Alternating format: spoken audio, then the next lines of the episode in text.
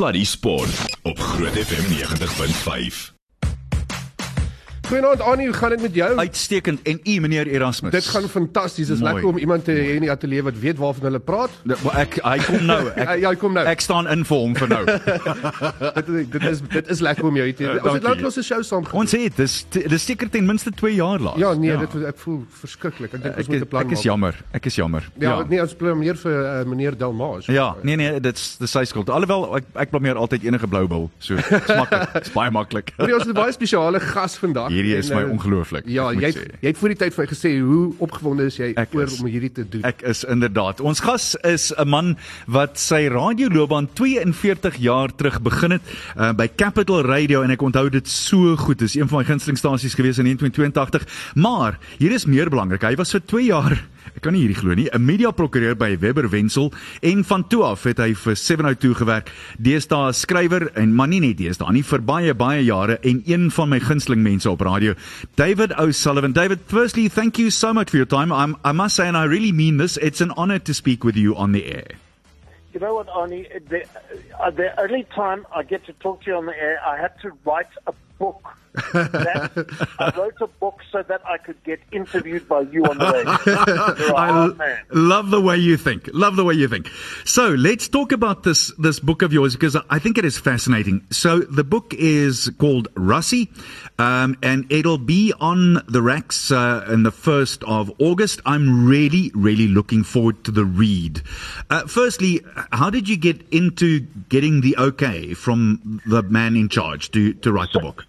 So what happened was uh, Pan Macmillan, the publishers, um, had been talking to Rassie Erasmus. No relation, I presume, Jacques. No. Uh, Um, uncle ja, or- it's it's it's my uncle. No, So I wish- we, they had been they'd been speaking for over a year about doing a book, and Rassie had been umming and ahhing. He wasn't quite sure if the timing was right, and eventually he decided eh, to give it the go ahead. And Pan Macmillan then uh, wanted to then offered him a number of names uh, of people to write the book, and uh, he chose my name. Um, and uh, when I suggested that it was a bit of an odd choice because I wasn't at that stage covering rugby or anything like that. He said he didn't really want a rugby writer. He wanted somebody who could tell stories. And so I was on Pan Macmillan's list, and Pan had recommended, well, they recommended everybody on his list, but he decided to go for me. And I find what I found strange about that was that we really were quite, we were strangers. I knew him as a player and as the coach, and we were reporting on him and talking about him on the radio. I'd never interviewed him, ever. My and word. He, he had never encountered me, ever. So on the first day, Arnie, we met uh, at the Grendel Wine Farm um, outside Durbanville uh, to start the process, and we met for an hour, which turned out to be three hours, but it, it, it, it only felt like one hour. And the first thing we said was, we have to trust each other. We are strangers, but we now have to make a commitment to trust one another with this process. And I said to him, you need to lay your soul bare. If we're going to write an yeah. accurate, honest memoir, you must lay your soul, soul bare. And he said, sure, let's do it. Let's do it like that. But the promise I, I made to him was that I would, I would only write the stuff in the book that he was comfortable with. I said, but I don't, you've got to tell me everything. And then we decide what not to put in the book. And we delved into the deepest, darkest parts of his heart and soul. His traumatic childhood at times with an alcoholic father, the depths of despair when he was caught up with the, the leaked video and the um, and the fallout and the banning and, and all of these highs and lows in his life. He laid it all out, and in the end, the stuff that didn't make it to the book was none of that. We put it all in the book. Brilliant. Are there are there a couple of surprises that we maybe not know about that's actually coming up in the book? Jacques, I don't think so. I think that he's, he's lived his his his, um, his life on his sleeve. You, you, we know everything. Yeah. So there isn't, and it's such a good question you ask because as a journalist, and Arnie knows me well enough to know that I would be looking for the the big moment where I go, mm. wow, that's our there's our headline. Yeah. But we, there wasn't anything like that. But what we do get that people don't know is how he thinks and why he thinks. So he was at pains to point out to me that people don't really understand him. Um, and people would always say, oh, when they heard I'm writing the book, they'd say, oh, this the charismatic, gregarious, this fun-loving man. I go, actually, he's not that. He's actually a very shy, almost introverted man. He has no friends. He's got pals, chums, as he calls them, but he doesn't have meaningful friends. And he's, he told that to me right at the very beginning. I have no friends, and I, I didn't believe him. But as I got to know him more and more, I realized what he meant. He's got no soulmates that whom you can sit with. Maybe his wife, but there aren't those deep and meaningful friendships because that's not the way Rassie conducts himself. But he, he, he was able then to explain that this was who he was, that this was his makeup, that he wasn't a man who clamoured after the, li- the limelight. I interviewed Nick Mallett for the book as well, just little parts, because you know everybody said to me, Rassie the genius, the genius, and I said he won't have that. He says, no, I'm not a genius. That's Windgat. I can't talk like that. Windgat. But I needed to get that angle, so I had to go elsewhere for it. And Nick Mallett was the one who provided me with the reasons, and Jacques Nienaber, why they considered him to be the genius, what he was able to do from a player, as a player, or as a coach that nobody else could do. But what Rassie is able to do is he could talk about how he transformed rugby from a team that was perceived to be a whites only team that was sixth in the world and made a team that is racially transformed uh, at the top of its game, won the World Cup, but he played no politics. Now, this was the big thing he wanted to express because everybody from the conservative world that he came from said, You play politics.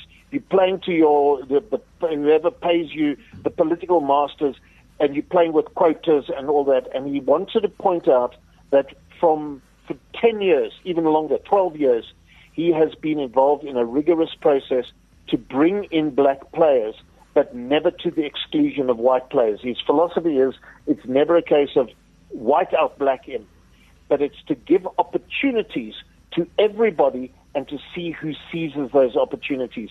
And he started with under 15, under 16, under 17. And so these players just kept moving up the ranks and he had roadmaps and he was giving them the, the coaching advice, the nutritional advice, all of this kind of stuff. And so the young black players who would never normally have been given the opportunities got the opportunities and then could compete on equal footing. And so through natural rugby talent and natural attrition, people rose to the top. And when he picked his 2019 team, he never counted how many black players he had in the team. He just picked the team he wanted. These are the best players for the team. No, he doesn't say the best players. He says the right players. Mm, yeah. You are the right players. Interesting. There, there, they are, and that was the team that won the World Cup. Interesting about the, what you what you just said about the the players of color that he actually brought in. The thing that he did with them, which is really amazing, is he didn't just make them good players, but he made him made them characters of the game. And I think that's a that's a talent on its own to actually be able to do that. So, it, it, it, what an astute observation that is, Josh, because when he d- uh, does these roadmaps on the players, yeah. he doesn't just go, what are your skills? Can you pass left and right? Can you kick with both feet? Can you run 100 meters in whatever time? You know, how, what can you bench press? It isn't just that. It's also what kind of person are you? Yes. Are you entitled? Are you Windgat? Windgat is a big thing in his life. uh, and it's, so it's the emotional side of you, the, in, the, uh, the personality that is also, are you a team guy? Mm. Are you a selfish person? Are you empathetic? These are attributes that are as important as can you bench press whatever, can you pass left and right. And often people would fall out because they were entitled, because they became prima donnas. Mm. And this is a little, he's a boykie from Despatch. He does not tolerate Windgat. He does not tolerate entitlement and prima donnas and so those guys would fall out. So it goes to what you've just suggested. He makes characters out of people because he can look for those elements, like yes. Brits. He brings Schalk Brits in out of retirement because that's the guy who's the right player, and he's a character. He's the right person for that moment for that job. I guess the the follow up question to how you started off uh, at the top of the interview, uh, David, is uh, now that you've written the book, do you still trust each other? Yeah, yes, absolutely. In fact, I, I, I, we we spent some time together this week, and I, I, I could sense we hadn't seen each other for a long time, and we were just so genuinely pleased to see each other again. So we were like two old women. But you know, I don't think I've, um, apart from maybe loved ones, I, I've never had such intense conversations with one person in such a short space of time. I mean, there were tears shed. It sometimes it felt like therapy we were going through in the way we were analyzing and talking, especially when he was confronting the issues of his alcoholic father and the mental abuse that he had to go through, but the love that he had for his father, which was this kind of paradox, this conflict that he'd have in his life. Um, so yeah, so we we still we still very good mates, and he's he's so immensely proud of what he has achieved by telling his story. Uh, it it was important for him to get that out. So it's uh, yeah, no, we're good mates. What really impressed me throughout my time uh, with being able to interview him on the odd occasion, and then also listening to him at a few rugby workshops just after he retired as a player. David, he thinks on another sphere, and I, I'm really not trying. I'm not trying to be Windgat here now, but I often thought of Rassie as as one of the Einsteins of of rugby because he thinks on a totally different level. That theory of relativity he he applies in rugby. You, you're so right. You know, I said to him, why was it that you were able to do things that others couldn't do?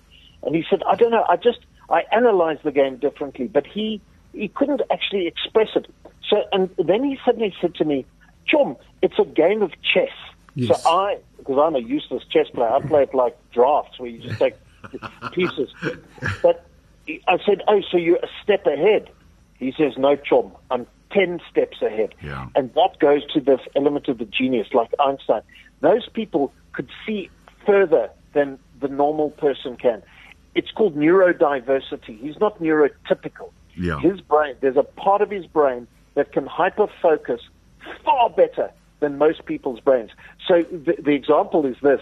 He, he said, I was never the fastest player, but I always got to the ball before everybody else. And I said, but doesn't that mean you are the fastest player? He says, no, it means I started running before everybody else.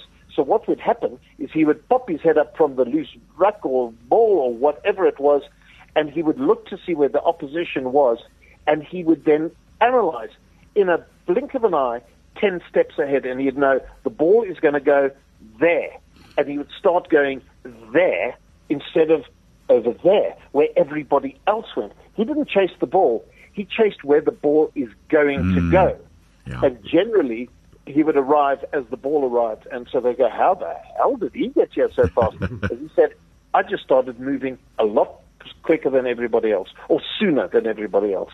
I think that may be the gift of the ultra talented sportsmen and women who have this incredible gift of having anticipation and Yeah. utterly trusting it at the same time. I, I know uh, the years and years of doing 500 Super Rugby games with a, a Naas Botha, for instance, in studio. Naas would often say, Arnie, watch, this is going to happen. And so help me, seven times out of ten, that's exactly what would happen because they had this incredible sense of knowing what was going to happen. Yeah, it, it, it is such an appropriate example. Naas could look up, and in a flash, he would size up where everything was, where everybody was, and he knew when he was going to pass or when he was going to kick. Uh, it, absolutely, he's got that ability. And most of the time, he decided to kick. Okay, you tell him. You tell him.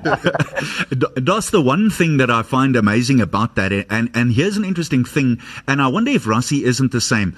Uh, when they measured Naas's peripheral vision, he had one of the widest peripheral visions ever measured in South Africa. And I often wonder, because it's a long story, but very briefly, I had a chat with Adele Broodryk yesterday, who finished second at the Comrades this year. Her husband has just got his doctorate in exactly this for sport, where he tracked eye movement for players, particularly when they were doing, uh, when they were batting or bowling, kicking the ball, very specific where the eyes went. And he was saying uh, that his dissertation went about the fact that there are times in the run up to kicking a ball, for instance, at goal, where the eyes would wander. And that's when people would miss because the eyes went first. And I often wonder if a guy like Rassie, for instance, with that anticipation, didn't have a, or doesn't have still a great set of eyes. I would love that to be tested. Wouldn't that be amazing? Hmm, I'm, hmm. I'm actually going to I'm going to ask him that question. That I, would I be- never knew that. Yeah. But what a what a great insight that is, Arnie. Uh, that would be amazing. I often think that maybe that's one of the areas where we fall. I remember when Sherylle Calder was a part of, of the rugby setup and what she meant for that 2007 team. And I think somehow we, we often miss that. David, let's talk for a second or two about the rest of, of your life because I am absolutely fascinated with the life you've lived. You, those two years at Webber Wentzel, I've heard you say it on air before, wasn't the greatest time for you, was it? No, no, I was a rubbish lawyer. You know, as, as you as you pointed out, I worked at Capital Radio, and I've been there for eight years. I worked there while I was uh, a conscript in the army. I, I freelanced there, uh, which was mad. I mean, I, I used to read the news in my army uniform. The army, Sure. uh, they they never found out. I got away with it, and and I, I did the release of Nelson Mandela. I did the transition, uh, the start of the transition to democracy. I felt that there was something missing in my life. I needed to understand law. I went and studied. While I was studying, I did my articles at Webber Wentzel. But then I realized I, I miss the journalism. I miss the fun. And once I'd finished my articles and it was now time to write the board exam, I came to this crossroads in my life where I felt I had to make a decision. Do I go the route of fun or do I go the route of money? And I decided to go the route of fun. and I joined 702 and I, uh, I was hired to do the Rugby World Cup in 95, the African Nations Cup in 96, and the Olympic Games. Arnie, what person in his right mind would turn down that opportunity? No, Absolutely, definitely yeah. no one. No. No. Well, none of us. to Yeah, none of us. No, no, none, none of of us us. idiots. yeah. So I, I, I look at my mates who carried on in law, and very few of them did. Very few of them carried on, and they have done fabulously well for themselves. But all of them say they have stressed themselves to the bone, and it hasn't been nice. It has. Mm. It's been a hard life, and I've just, as you know, Arnie, we've been mates for a long, long time. Yeah. I've just had the most incredible life. I so think- I, ch- I chose right. It's such a blessing. Actually, you know, the money is is nice to have, but boy, oh boy, I don't miss it because I've had fun. That's made up for all of it, and that does make a big difference. Uh, David, um, the the seven oh two years, uh, you, I, I always used to listen to you and go, this guy knows something about everything. Do you? I, I, I skate on very thin ice, Arnie. I, I, I pretend to know a lot of things. I like to read. I've got loads of books. My, I mean, uh, when Rassie arrived at my house the first time, we because we did a lot of the talking in my office, and he walked in and he did look. I've got one wall just full of books, and he looked again. Hey, Chom, have you read all these books? But he started testing me. I said, Rassie, that's why they're here. Because I've read them all. He says, yeah. I, I, he says, I'm not a great reader of books. I said, well, you're going to have to read this one when we finish. He's read it three times. But I just read a lot. I think I've forgotten more than I actually know.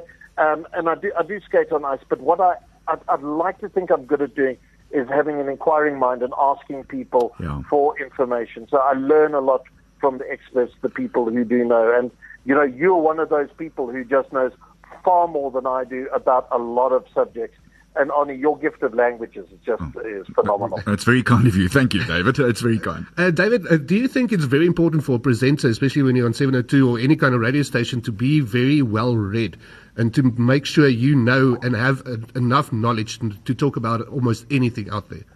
Yeah, Jock, it's it's it's absolutely the the be all and end all. Yeah. You've got to have life experience.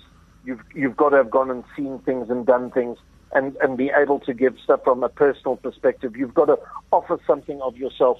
And what was really useful for me was that I'd been in the trenches as a journalist and, and encountered major players, um, and so I could always talk about these things from a personal perspective.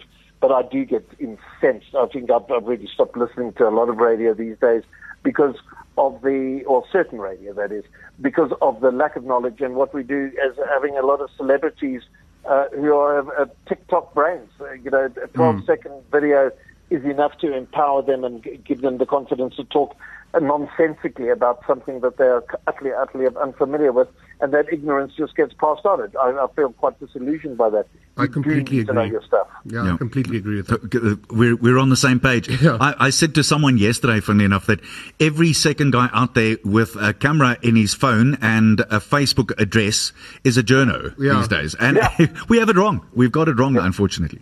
Yeah, no, you've got to have the ability to analyze. We're not stenographers. We don't just go report. He said, he said, He said, he said, Yes. we need to go and check the information, analyze it. We've got to test it. We've got to challenge it. And that's not what's going on. You talk about that, and, and it does come up on your CV. Uh, you were one of the anchors on the Oscar Pistorius channel at the time. Who will ever forget it? now that you look back at it, uh, what what do you re- remember of it, Dave? I just remember the tragedy of it all. Yeah. Um, and, uh, you know, what I find so, so difficult about that, so my job on that Oscar Pistorius trial channel was to uh, talk to the lawyers because I'd had this legal background and I understood criminal procedure and the issues like dolus eventualis. We all became experts in these, uh, these issues. I, I knew how to actually uh, simplify these things because being a radio person then, I, I didn't actually talk legalese. I could simplify legalese, and that I think was a great a, a bonus. Um, but I've, I found what was impossible is people couldn't believe, understand that you could have two different thoughts in your head at the same time. You could feel sympathy for the plight of Oscar Pistorius detonating the most amazing career, and at the same time, you could feel just the most clawing uh, sorrow for for Reeva Steenkamp's family. But if you said one and didn't, and uh, that you'd be immediately pilloried. Uh, people would be shouting, "You just l- allow me five more seconds, and then I will address. Wow, what about Reeva? Or do you talk about Reeva? Oh, but what about Oscar? And I found it so divisive that people couldn't just just give us breathing space that we could actually analyze both. Yeah. But you can't do one. You can't do both at the same time. It's one and then the other. Yeah, totally. Um, and I found that quite tricky. And people also, I, I realize now, uh, as as it was with Oscar, when people make up their minds, it's very difficult to change their minds, even in the face of incontrovertible proof that what they're saying is wrong. So it, uh, the expression always is, "My opinion counts more than your facts." No matter how many facts I give them, they go, "No, my opinion is still more important." Yeah. Yeah, and this is rude, but I think it's important. Um, opinions are a bit like bums. Everyone's Yeah. got one, and every now and then it's rather smelly. So, you know, it just, unfortunately, um, it is one of those things. Uh, David, I, I I hope you don't mind us keeping you for a bit longer. I'm finding this, this conversation No, no, fascinating. I'm- We'd love to keep I'm talking with you. We want to get uh, some of the commercials out the way, and then we'll chat more. Ons gesels met David O'Sullivan, 'n veteraan van radio vir meer as 42 jaar, wat nou net 'n boek vry, vrygestel het met die titel Rassie. Jy kan seker raai waaroor die boek gaan, nie waar nie? Waar gaan dit? Uh, ek sê jou net net hierna sê.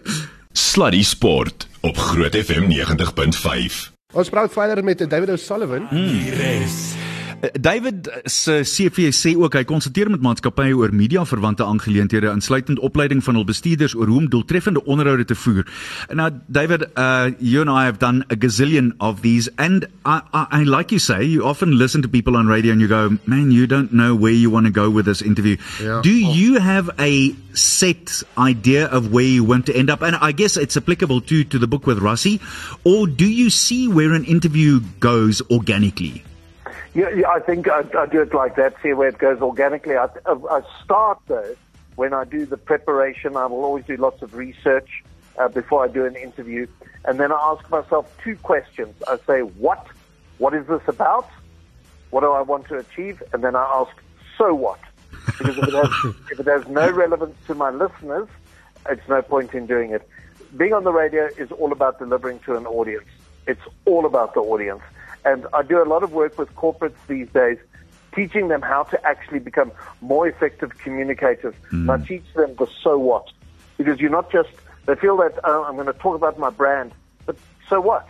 You can mm. talk about your brand, but does anybody care? How do you talk about it so that people care? So I will look at an interview, look at an interviewee, and I'll say, these are the things that they're going to say, but so what?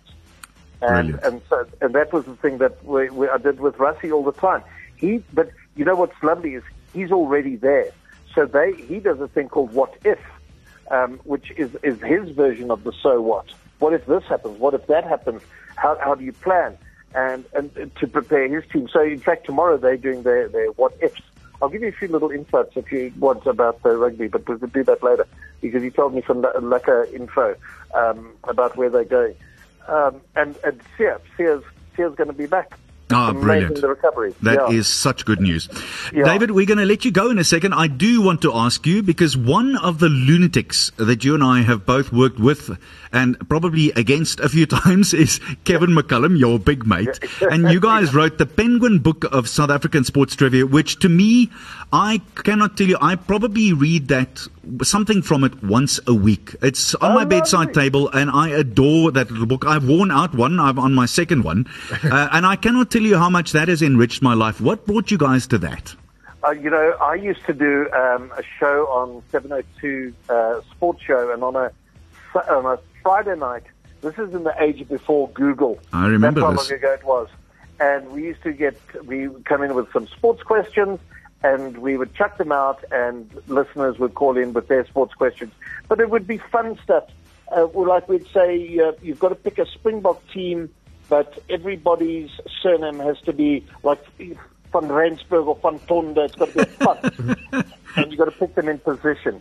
Or you'd have to pick uh, a team and it had had to have all letters of the alphabet. Things like that. We'd have fun stuff and then mad stories. We'd always find stories and then turn them into questions. It would allow us to tell stories. And then Penguin gave us a call and said, hey, listen, don't you want to turn that all into a book? So we did. And it did really, it sold really well. And then it said, uh, have you got any more questions? I said, well, we've got a ton of cricket questions left over. They said, okay, do us a cricket one. Then they asked us to do a rugby one.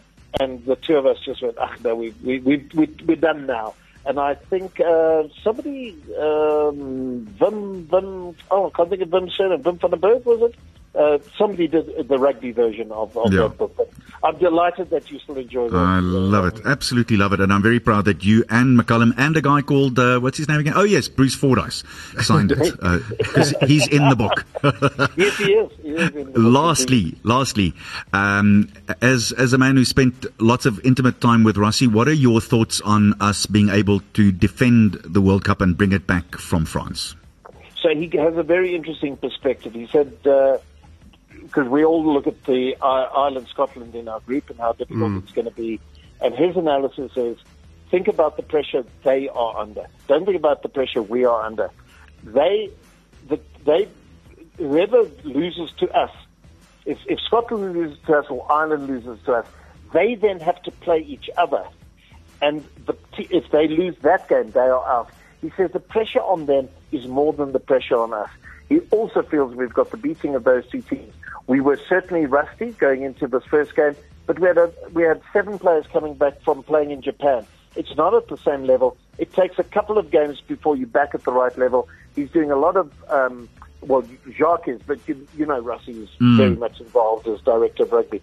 Um, they are doing a lot of rotation, uh, squad depth, experience, giving everybody opportunities to just find their feet, to settle down. The real test is going to come um, in these warm-up games, but of course he wanted to beat the All Blacks. And I'll give you one other little tidbit which I found very interesting. I'm involved in a very big, well, I like to think it's a big um, autism awareness project on here. As you know, my Yes. oldest boy is autistic, and so it's very much uh, something that um, I'm passionate about getting people to understand autism. So uh, one of the guys I was working with, he is in, was in touch with the Crusaders, who themselves, the rugby team in, in New Zealand, are involved with autism awareness. And Sam Whitelock was on the call, and Sam Whitelock said that game, that result against South Africa in, in Auckland, was not a good result for the All Blacks because the All Blacks got outplayed in the second half at a time when the All Blacks are used to putting the hammer down and outscoring their opponents. Any team that scores three tries against the All Blacks tends to win the game, and we scored three tries. He says we are very nervous about the All Blacks, uh, the Springboks now, because we knew they came into the game undercooked, and they still performed like that. They they are a force to be reckoned with. So I think we have a very very good chance of winning this World Cup. Love it. David O'Sullivan, hy is die skrywer van die splinternuwe boek Rassie wat op die 1 Augustus op die boekrakke gaan wees. David, I cannot thank you enough for your time. As always, it was magic talking with you. Best of luck with the book and I think we're going to call you into the studio at some or other time to come and chat Yeah, to no, us again. We'd love to I have you live. Definitely. I would love to do that, and I'll tell you, the next time, well, I'll bring Rassie with me. It'll be after the World Cup because he's gone now, and it'll be my absolute pleasure, Arnie. You're one of the dearest of mates, and Jacques, I'd love to meet you face to face. Thank you so much. Same, David. Thanks for your time. Thank you, David. David All the O'Sullivan, guys. You too David. David O'Sullivan ons uh, eerste gas hier op Slaa die Sport vanaand en weer eens ongelooflik. En uh, nog 'n ou wat wat presies net soos Rassie dink, hier van die linkerkantste baan af heeltemal uit die linkerhoek uit is natuurlik John Lafney die jager. Ons het vroeër gepraat oor die feit dat John uh, JL is terug van Wimbledon af. Ek wil hom net eers vir jou vra jy uh, was jy ernstig gesê strawberries regtig nie so lekker nie. Is arbeie glad nie lekker daar nie, hè? Huh? Nee, dis lekker, maar dis nie olie se arbeie. ek wil sê ek dink Suid-Afrikaners is sin is beter. Ja. Definitief. Kyk die die aan die interessante ding is mense wil Wimbledon toe gaan om strawberries en cream te, uh, te eet. Daar's baie beter goed en redes om Wimbledon toe te gaan as strawberries en cream. ja, so af en toe speel hulle tennis ook. Ja, ja so nou Ek wil met die deur in die huis wil deur vir jou te vra, het ons die begin van die einde van die laaste van die groot 3 gesien met Djokovic wat wat geval het? Oh nee, nee ek dink nie so nie. I mean definitief Alcaraz is is 'n ongelooflike speler en ons almal het gedink dat hy vir Novak gaan wen by die Franse Ope en dat Novak Wimbledon gaan wen en dit was anders te omgewees. Ja. Maar definitief ek ek dink uh, Novak is opgewonde oor dit want dit dit dit gaan hom push om harder te werk. Hy weer as iemand wat hom kan wen. En die tennis wat ons gesien het in die finaal was ongelooflik geweest. Dit was wipplank op 'n stadium na die eerste stel dog ek die arme ou, dit gaan 'n kort finaal wees. Ja.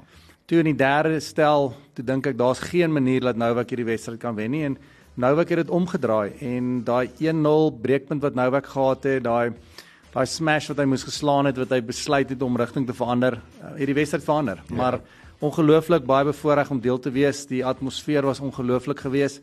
Ek moet sê ek dink die toeskouers was so een of twee keer bietjie offsides geweest met hoe hulle vir Novak hanteer, maar dis dit.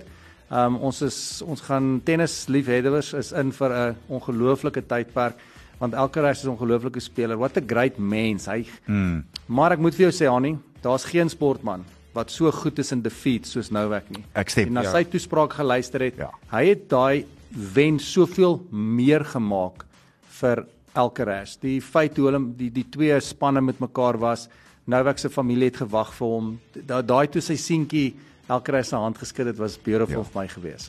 Ek ek moet sê ek het ehm um, ek het half dit gesien kom om eerlik te wees want ek het gesien hoe hy in die, in die Queen's Club gespeel het net voor Wimbledon en toe hy het so goed gedoen het in die Queen's Club toernooi het ek geweet Alkreis het uit 'n ander tipe vorm wat hy gevind het en dit snaaks genoeg hy het voor die tyd gesê hy is nie mal daaroor om op gras te speel nie en hy het uh, gesê hy het fooled me. Ja, ek sê van maar waar kom dit nou vandaan want hy speel so goed en dan wen hy nog die Queen's Club ook ja. goed. Maar ehm um, ek dink net hy's in baie baie goeie vorm en dit is nou dit is sy tweede ehm um, Grand Slam wat hy nou gewen het. Dink jy hy gaan weer die ehm um, Amerikaanse Ope wen? Definitief, hy men, hy moet nou die gunsteling wees om dit te wen. Maar hier's 'n interessante ding wat ek hoor hoe mense sê, "Jesus, hy gaan almal se rekords breek en alles." Uh, Julle hy's op as Novak's op 23. Hy's op 2. Ja. As hy 23 Grand Slams wil wen, dan moet hy vir die volgende 11 jaar 2 'n jaar wen. Ja, dis so daaraan dink, dis moeilik. Ja. Dit sit net in perspektief hoe ongelooflik is dit wat Novak, Roger en Rafa gedoen het. Ja. Dink as daar net twee van hulle was, was daar twee twee van hulle wat op 30 was. Ja. Die ander interessante ding is Novak het twee slams gewen teen Roger waar hy 9-8 40-15 voor was en hy was 5-4 40-15 voor. So Novak verloor Roger wen hy twee slams, dan is Roger op 23 en Novak op 21. Mm, ja. So dis wat hy gesê het in die finaal. Hy sê, jy weet, hy het 2 of 3 tyd bietjie hy uit die tronk uit ontsnap. Hy sê so dis bietjie even Steven gewees. As ek nie mis het nie, dink ek ehm um, Alcaraz is 10 jaar oud gewees die laaste keer wat Djokovic Wimbledon verloor het en hy was in Andy Murray gewees in 20. Ja, hy, hy het vir 10 jaar nie verloor op die hoofbaan nie. Ja, ja, dis dis 'n ongelooflike rekord. Kyk, ek's nie 'n groot aanhanger vir hom nie, maar ek dink hy's 'n hy is 'n legende van tennis en hy gaan altyd wees en hy's 'n ongelooflike goeie tennisspeler, maar jy het in daai selfde stoel daar gesit so 4 jaar terug, dink ek 5 jaar miskien terug. En intendeel, ek dink selfs voor dit het jy eendag vir my gesê uh Nadal gaan nie hou nie. Sy knie kan net nie is dit die einde vir die Spanjaard. Ek ek hy gaan miskien nog 'n jaar speel. Ek dink nie hy gaan net onttrek nie. Ek sal baie verras wees as hy net besluit hy gaan onttrek want hoekom? Is nie in sy natuur nie. Nee, ek dink die alle almal wil teruggaan en dankie sê vir die vir die ah. mense wat hulle oor die jaar ondersteun het. So mm. ek dink ek dink um, Rafa gaan volgende jaar by die Franse Ope miskien sy laaste hoop, um, ja. Grand Slam speel. Mean, hy's hy's 'n legende daar en dit sal sad wees om hom nie daar te sien nie. So, mm. maar weer eens, hoeveel keer het ons hom al afgeskryf? Ja, swaar. Dan kom hy terug. die ja, kak kom weer. Wel ons praat net van ons kan net kyk na die Aussie Ope begin van jaar, so. Ja, dis waar. Kom ons gesels Showdown. Uh, ek wil hê jy moet vir ons uh, kykers net gou-gou vertel gee net weer 'n bietjie inligting oor hoe Showdown begin het en hoe die eerste een gegaan het en nou natuurlik die tweede een kom op die 5de en die 6de Augustus. Ja, nie so ons het besluit, I mean, ons het bevoorreg, I mean, ek ek, ek toe rond en sien wat met tennis gebeur en tennis het eintlik boring geraak. En uh met my my blootstelling by World Team Tennis, World Tennis League, die IPTL met die span sp waar waar tennis in 'n span is, is ongelooflik en Ehm um, my vernoot by my akademie Denton Myntjies toe hy in Amerika was by hulle klubs het hulle baie sulke team events gehad. Toe besluit ons, kom ons doen iets anderste. So ons het vier ek het vier van my pelle gesê kom ons kom, ons gaan die eienaars van die spanne wees. Ons gaan vier spanne koop.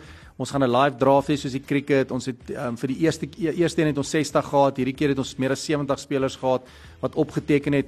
Ons wil 'n geleentheid gee vir Suid-Afrikaanse spelers om geld te verdien in Suid-Afrika. Daar's geen toernooie wat geld nie. So mm. jy as jy daar's geen onkoste, jy betaal nie inskrywingsfooie nie. As jy gedra voel vir 'n span, kry jy 'n bedrag geld en dan is die wenspan speel vir R60000. En die eerste een was baie goed geweest. Ons college spelers wat gewoonlik na juniors oor see gaan kom nooit terug nie, want daar's nie geleenthede vir hulle nie. So ons plan is om daai college spelers te betrek. So En hoe kry ons borge betrokke? So, dis 'n spansport, daar's mans en vrouens wat speel. Jy sien enkels, dubbels, gemengde dubbels. Dis 'n tydformaat. Ons speel nie gewone tennis ehm um, scoring nie. So, dis 10 dit's 'n wedstryd 20 minute. So vir 10 minute speel jy dan jy 2 2 minute strategiese breek wat jy dan spelers kan wissel. So jy kan 'n speler afhaal en 'n ander speler substitutes insit. En dan die einde so in een wedstryd en 'n tie is dan 9 wedstryde. Die einde van 9 wedstryde die span met die meeste punte wen. So ons het 4 spanne en dan die borge hou daarvan. I mean dit is, en, en dit is 'n groot ding wat ons hoe kry ons borge betrokke. So vir ons tweede showdown seasons in Africa is ons hoofborg, hulle het betrokke geraak. So twee of drie ander borge wat betrokke is. Dis die week voor Davis Cup. Ehm um, Suid-Afrika speel Davis Cup by Tikkies. So ja. ons het 6 Davis Cup spelers van ander lande ook wat kom speel ah, want is want is vir hulle geleentheid om te speel. Jy weet Midstream College is ongelooflike um fasiliteit. Hulle die baan is ongelooflik daar en ons is bly dat ons weer terug is by by Midstream College. Ons kyk dan na ons verleding rondbeweeg. Ons wil volgende jaar 3 baie groot showdowns hou en wat ons ingebring het met die nuwe een nou Sondag het ons 'n enkel shootout. So almal wat in die in die span um event speel en dan enige ou wat nie gekies is nie kan nou in die in die shootout speel. En nee, daar's R7000 vir die wenner van albei. So dit klink miskien nie baie nie, maar vir tennis is dit baie want daar's geen toernooie. Dis 'n begin in ja. Suid-Afrika nie. So ons wil hierdie regtig groot maak. Hmm. Um, ons wil die mense kom uitnooi, kom kyk um, die 5de en die 6de by by Midstream College. Daar's geen toegang geld nie. Daar's musiek, daar's 'n DJ. Daar's eintlik geen reëls nie. En dis wat dit lekker maak. Geef vir ons uh, een of twee van die spelers uh, se name wat gaan opdaag wat die twee Suid-Afrikaanse spelers Devin Badenhorst en Dylan Salton, Davis Cup spelers. Hulle speel um, van Namibia uh, Connor um, van Skalkwyk en sy boetie Cody en uh, Sabanda, dis 'n ouetjie wat vir Zimbabwe speel, dan het ons mm. vir um, Susani Pretorius wat al Billie Jean King Cup vir Suid-Afrika gespeel het, Natasha Verhoekles en dan het ons al ons top um college spelers wat terug is. Shaal Morgan was ons MVP die vorige keer gewees en dan ons top juniors, ek meen Ollie Leroux se dogter Dana, sy speel, sy het nou net in die in die J uh um, in die ITF toernooi in Durban, het sy deurgedring aan die kwart en ronde toe. So, dis 'n goeie geleentheid ook vir die jonger spelers om saam met die college spelers te kan speel en te kan sien, weet, op watter vlak is hulle. Tennis Suid-Afrika, waar val hulle hier en en is is daai deel van tennis besig om gesonder te raak? Want ek weet daar was dramas, nie waar nie? Ons het ons grootste probleem van tennis Suid-Afrika, ons nie CEO nie. Mm. Die ou wat die Dis nou al meer as 'n jaar, né? Ja, dis Andrei Houman was daar, hy was baie goed, ek baie van hom gehou. Um, hy is ongelukkig nie meer daar nie en hulle is op soek na 'n nuwe CEO. So ons almal weet dit kom van bo af. So jy het 'n leier wat kan hardloop en terwyl hulle nie 'n CEO gaan hê nie, kan ons nie regtig goed doen nie. So daar's baie goeie goed wat gebeur in tennis. Hierdie is saam met ons is nie dis nie 'n ding wat deur Tennis Suid-Afrika gedryf is nie. Ons klomp privaat ouens wat besluit het dis wat ons gaan doen. Tennis Suid-Afrika ondersteun dit. Ons is baie bly daaroor. Ons doen Gauteng Noord weet hulle ehm um, hulle is hulle is baie bly vir dit want dit gee geleenthede vir die kinders in Gauteng ja. maar ook vir kinders buitekant ons het kinders van Kaapstad van Durban almal wat invlieg om deel te wees van van die Seasons in Africa Showdown. So nou dink ek jy moet jy sal 'n paar van jou portuier moet bymekaar kry net soos hulle maak met Wimbledon en so 'n paar van die ouer manne op die baan sit net sodat mense bietjie kan lag. Annie oh, definitief uh, ons gaan binne volgende jaar gaan ons celebrity coaches hê ons gaan 'n celebrity showdown hou so alles is in die Lieflik. in die plan ons gaan sien hoe die die manne wat altyd om die, om die braaivleisvure brek dat hulle kan tennis speel. Dis dan 'n bietjie kom kyk hoe hulle regtig kan Ek speel. gaan eerlik wees, ek het nou dag gaan tennis speel. Ek was nog nooit 'n groot tennisspeler gewees nie want ek is nie baie goed daarin nie. En toe besef ek, ek is bly ek het nooit tennis opgeneem as 'n sport nie want ek is terrible met tennis. Ek kan al die sporte doen met tennis, is dit is soveel dit is soveel anders as ander sporte wat ek al gespeel het en beoefen het. So dis net vir my moeilik. Tennis is moeilik, hoor. Animal tennis is die beste eerste sport vir enige kind om te doen. Mm. Dit is bewyse. Tennis ontwikkel die meeste skills wat 'n kind nodig het. Ja. So as jy jou kind wil sport doen, laat hom tennis speel want hand-oog-koördinasie, jy moet jou voete beheer, jy moet jou voete in plek kry met jou, jy moet die bal sien, jy moet die bal raak Antisipeer. Ja. Al daai goed is. En dis tennis ongelooflik en wat 'n ongelooflike familiesport nie. Jy kan tennis op 'n Saterdag speel.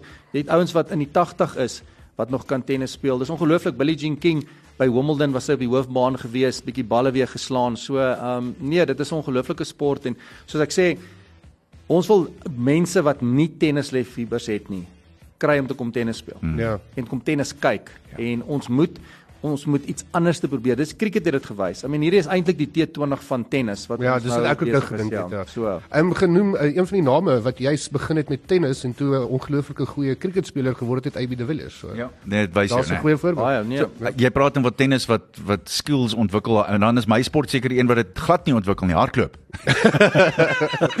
Sal ons dit net daar los, Joel? Kom ek sê net sê jou grading van jou sport is dis die maklikste sport om Ja. te doen en almal moet oefen. Ja. Vir bloedsomloop, vir breinhelf ja. is verskriklik belangrik. Almal moet. Ek meen vir my in skool is dit moet eintlik verpligtend wees dat mense moet hardloop. Ja.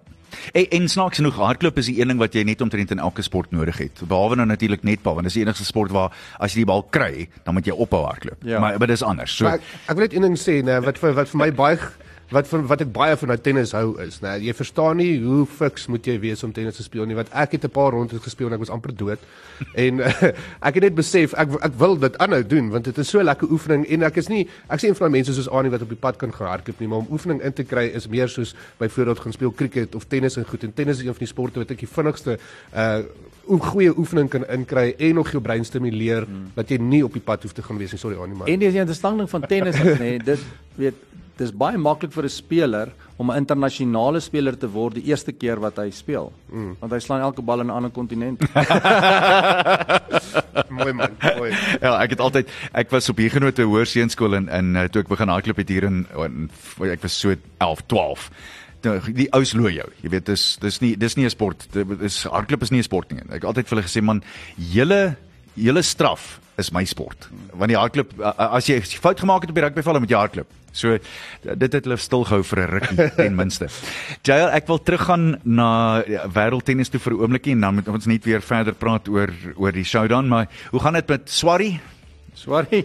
Ag So goed ek Jacques net vinnig uh, Roger Federer hy roep hom hierdie jaar. Swarry, Swarry want hy, jy weet hy het sy Afrikaanse en sy Ja, ja, ja, ja. Afrikaanse agtergrond. Dis Swarry die wat wat Roger Federer aanbetref. Aan is eintlik snaaks. Ek staan en wag by Wimbledon en Roger het die eerste dag opgedaag. Hulle was in die royal box gewees en was kameras rondom hulle en alles. En so die volgende dag staan ek daar by die ingang van die van die players lounge op my foon en ek is besig om met Devin, die ou wat ek afrig hy's hy's daar om uit te sorteer weet waar hoe laat die oefenbane is en alles. En ek's op my foon en ek hoor net iemand kom verbygestap en net voor dit stap ou verby my sê vir my hey jy's Afrikaner hoe gaan dit met jou? En en ek's op my foon iewes skielik hoor ek net sorry sorry sorry. En toe ek opkyk kyk ek daar staan Roger skud my hand en daar's TV kameras en security duits ouens want hulle is toe op pad weer hoofbaan toe. Maar is interessant want as iemand vir my sê sorry dan Dan weet net jy. dis Roger. Ja so Roger gaan goed met hom is ongelooflik. Daai het net 'n hy het net 'n presence Ja. Hy het 'n aura omtrent hom, né? Hy man hmm. by Wimbledon veral, I mean toe hy die die die uh die dag toe hy by um by Royal Box was en op die baan gestap het. I mean mense het nie op 'n hande klap nie. Ek dink dit was 3 of 4 minute lank. Hy moes uiteindelik vra om op te hou. Dit was intendeel, ek sal eerlik wees, dit het my trane gegee. Hmm. Dat dat iemand so erken word en dit was met blote liefde. Dit was nie net die feit dat dat hy hierdie ongelooflike speler is nie. Hulle het dit gedoen met liefde vir die persoon wat hy is. Ja. Daarbey saam. Nee, hy ongelooflik, ongelooflike mens. En jou gevoel oor die vroue kampioen vanjaar? Tjie, was ongelooflik geweest. Um ek voel so jammer vir ons Ja, ek self. want sy vroue tennis het iemand soos ons nodig om Grand Slams te wen. Want hy sy's die vergeet van haar tennis, hy's 'n great mens. En die tipe tennis wat sy speel is ongelooflik, maar net ongelukkig vir haar, sy het weer eens net te veel druk op haarself gesit. Ja. En van der Rosa wat so, was so ongelooflik geweest want niemand het verwag Ja. dat sy dit gaan doen nie. En haar tennis, kyk as sy praat, sy praat so een so 120, sy het alles op een ding, so sy raak nie nervus nie. En almal het gedink dat sy gaan verloor, maar sy het die game gehad om vir ons te ontseën nie want sy slaan ook kan 'n slice slaan, sy het 'n snaakse voorarm. Sy het net ongelooflik gespeel. So, ehm um, ek is baie bly, maar die ding slegte ding vir vroue tennis is net dit is nie goed vir hulle as elke Grand Slam 'n ander speler is wat verloor nie, want almal het nou al amper bietjie vir Bankina hmm. vergeet. Ja, dis waar. Maar ons het 'n on, on, ons het iemand soos 'n Swiatek, 'n uh, Zabalenka, 'n mm. Rabankina, um, ons Jabber nodig om 'n battle dan dan moet 'n rivalry wees. Dis ja. waarom die mans tennis so ongelooflik is. Daar's rivalries wat nou kom en nou begin die ouens begin die mense te leer. Maar elke week as daar iemand anders is wat wen, ek dink nie dis goed nie. Ja, ek stem saam. Wat dink jy beteken sy vir tennis in eerstens haar eie land in Tunesië, maar tweedens ook vir die kontinent van Afrika? Dit moet ongelooflik waardevol wees. Nee, is ongelooflik. Sy sy's net amazing mens soos ek sê. Die feit dat sy so great mens is, is vir my die belangrikste en uh, sy speel 'n groot rol um vir vroue tennis en soos ek sê die waardes waarvoor sy staan en sy's net 'n great mens. Ja. So um ek hoop regtig een of ander tyd kan ons haar ergens in Suid-Afrika sien. Ja. Ek bedoel sy het 'n groot maak 'n groot impak. Ek stem. Geen net gou-gou weer vir ons die detail van die tweede showdown by Midstream College. Dit is die 5de en die 6de Augustus. Hmm. Dis by Midstream College. Um ja, vier vier spanne kom ondersteun ons. Kom kyk bietjie hoe lyk tennis um wat jy nog nooit gesien het nie. Die T20 van Suid-Afrikaanse tennis. Laastens, Klink baie exciting, ek moet sê hoor. Ek ek wil graag hierdie keer kom. Ja. Uh ons lag vir die dag. En, en hierdie is die waarheid. Iemand hier by Groot FM het uh op ons drukker wat nogal redelik wispelturig en nikkerig kan wees. Vandag 'n stuk papier vasgeplak wat gesê het just call me Bob Marley because I'm always jamming man. ek was mal daaroor. Mooi bly julle. Totsiens tot die volgende keer. Ciao, baie dankie vir jou tyd. Dankie hoor. Uh, Bye hoor. Dit was die sport aan jou gebring deur WeBuy Cars. WeBuy Cars Suid-Afrika se nommer 1 kar aankoopdiens by, By Ver. verre. Sluddy Sport met trots geborg deur webycars.co.za.